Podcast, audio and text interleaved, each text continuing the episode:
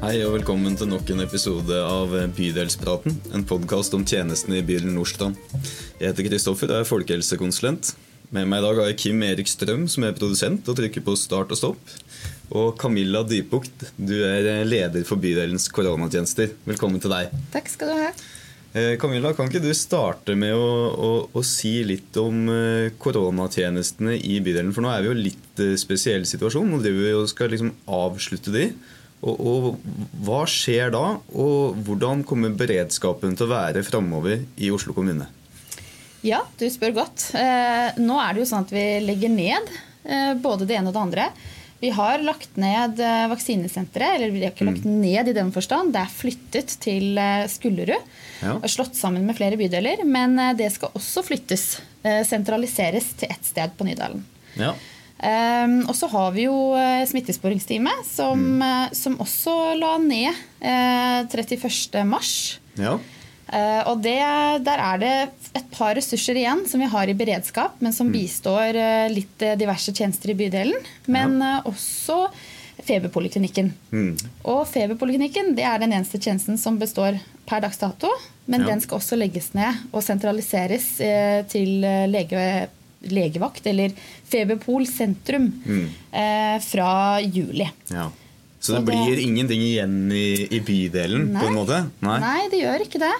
Eh, men, eh, men man har jo en slags tanke om en framtidig beredskap. Eh, Ja. så, så det er en eh, Det jobbes med dette fremover. Mm. Men eh, det er per definisjon ingen igjen fra Nei. 1. juli. Fordi at eh, da, da korona begynte, da, og man fikk på en måte påvist eh, det første koronatilfellet i Norge 26.2. I, i 2020, da bygde vi opp disse tjenestene veldig raskt. Og nå som vi på en måte avvikler eh, disse tjenestene på bydelsnivå, så er det jo fint å liksom ta et tilbakeblikk og se på liksom historien. Og Kan du ikke si litt om liksom, hvordan begynte vi å jobbe med, med korona da smitten ble oppdaget i Norge? Det var jo eh, salig kaos eh, var her på Bydelshuset. Jeg det var husker det. jo godt hvordan det var. Eh, og det var penn og papir. Det var eh, Post-It-lapper på vegger. Mm. Det var eh, tavler som var eh, dekt med ulike farger. Mm. Eh, så det var rett og slett litt kaotisk, men samtidig kontroll i kaoset. For Ja. vi visste hva som sto på de ulike lappene.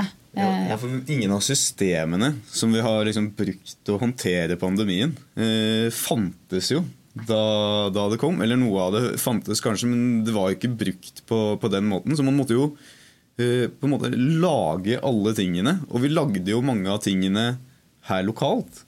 Ja. Og vi gikk, jo, eh, vi gikk jo på en måte fra disse Post-It-lappene når det gjaldt smittesporing, i hvert fall. Eh, så gikk vi fra disse lappene og inn til eh, litt mer teknologisk. Eh, Excel-ark. Ja. Excel-ark på PC. Eh, men det også var jo tidkrevende, og det er jo om mange sammen skal jobbe i ett og samme dokument. Det, eh, det kan bli kluss, eh, men det har gått veldig fint. Eh, heldigvis så fikk bydelen også lov til å være med å utvikle de systemene som vi har tatt i bruk seinere. Ja. Nettopp Passinfo. Eh, og vi har jo også tatt i bruk Infodoc, som allerede var et eksisterende system eh, for feberpoliklinikken. Eh, men Passinfo også har jo vaksinesenteret brukt, sånn at vi, vi ser at vi har fått lov å være med på mye der, da, Ja. som har vært spennende også. Vi så jo øh, ikke bare på de koronasystemene, men øh, vi begynte å jobbe veldig annerledes. Alle medarbeidere, eller mange medarbeidere måtte på hjemmekontor, og øh, vi fikk liksom Teams, og vi blei jo generelt i bydelen veldig gode på nye digitale løsninger veldig raskt. Men kan vi ikke òg liksom snakke litt om alle de tjenestene vi har bygd opp? For det har jo vært en, en slags reise. For det først ikke sant, så hadde vi jo Feberpol, da, eller testregimet, det starta jo i i helsestasjon her på Ja. tredje etasje på, på Bydelshuset. Men her var det ikke så lenge. Kan du ikke fortelle litt om liksom, de ulike stedene vi har vært? Jo.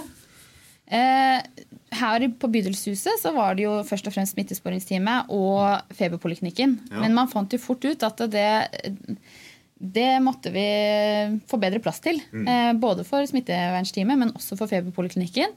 Og da var vi jo så heldige at vi kunne plassere Feberpol på, i Cecilie Thoresens vei. Og der har det vært eh, siden da. Ja. Eh, og der hadde vi jo egentlig akkurat flytta ut, ja. vi, vi, fra bydelen, da vi, vi skulle tilbake inn der. Så det, ble, det, er fint at den var der. Ja, det, fint at det bygget var der. Det var jo, var jo veldig på en måte flaks for oss, da. Og da flytta man jo liksom Febpol og smittevernteamet inn der. Mm. Men uh, smittevernteamet de har jo vært på, på luftetur, for de har vært flere steder? Ja, vi, vi har også vært på Nordstrand skole, Nordstrand ungdomsskole. Mm. Um, og vi har også vært på hjemmekontor en ja. periode, fordi det også måtte vi være med på. Mm. Uh, og så har vi vært um, i Rasksvei. Ja. Uh, så vi har vært flere steder. Mm.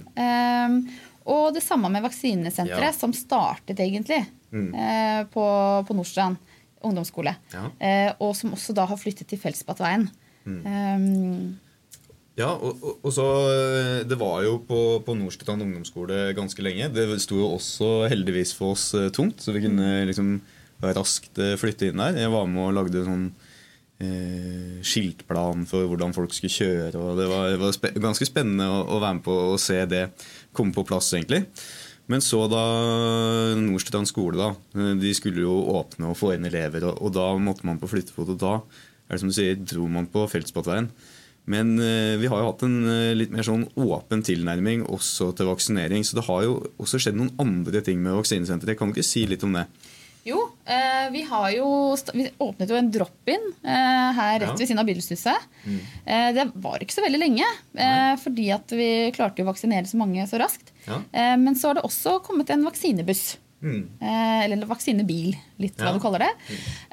Og, og, den er ute og ruller rundt omkring nå i dag. fortsatt. Og det er faktisk mange som benytter seg av sjansen da, til å mm. bruke vaksinebussen eller bilen.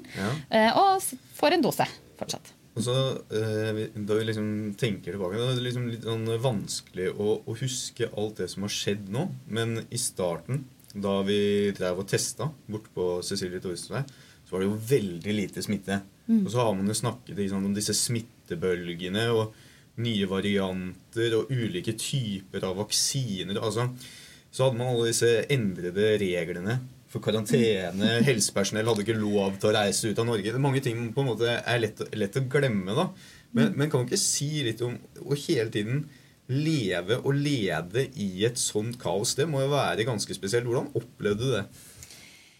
Ja, Det er et veldig godt spørsmål. Eh, det har jo vært mye forandringer. Og jeg tror det at man, de som har jobbet i koronatjenestene, har visst mm. at man har gått inn i noe som vi ikke vet kommer til å endres i morgen. Mm. Vi vet ikke hva som skjer i morgen, så vi jobber for dagen i dag. Og så tar vi morgendagen når den kommer.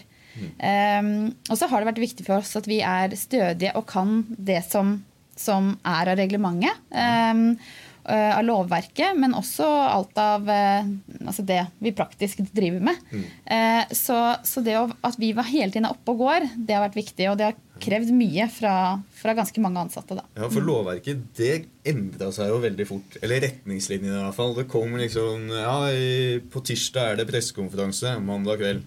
Og så på pressekonferansen så fra og med i morgen tidlig så gjelder ja, og da er det spennende, for fra morgen tidlig vi, vi, vi, fikk jo vite det akkurat likt som alle andre. Ja. Eh, det er ingen som ga oss et forvarsel.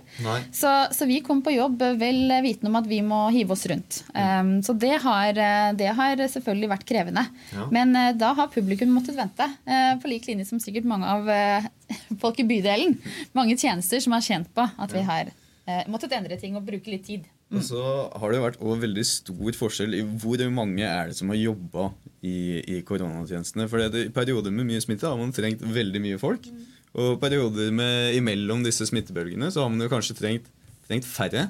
Mm. Og det òg har jo vært en viktig del av utfordringen, tenker jeg, å liksom klare å, å, bemanne opp og ned mm. ut fra behovet. Det er jo ganske annerledes måte å drive kommunale tjenester på enn, enn det vi er vant til.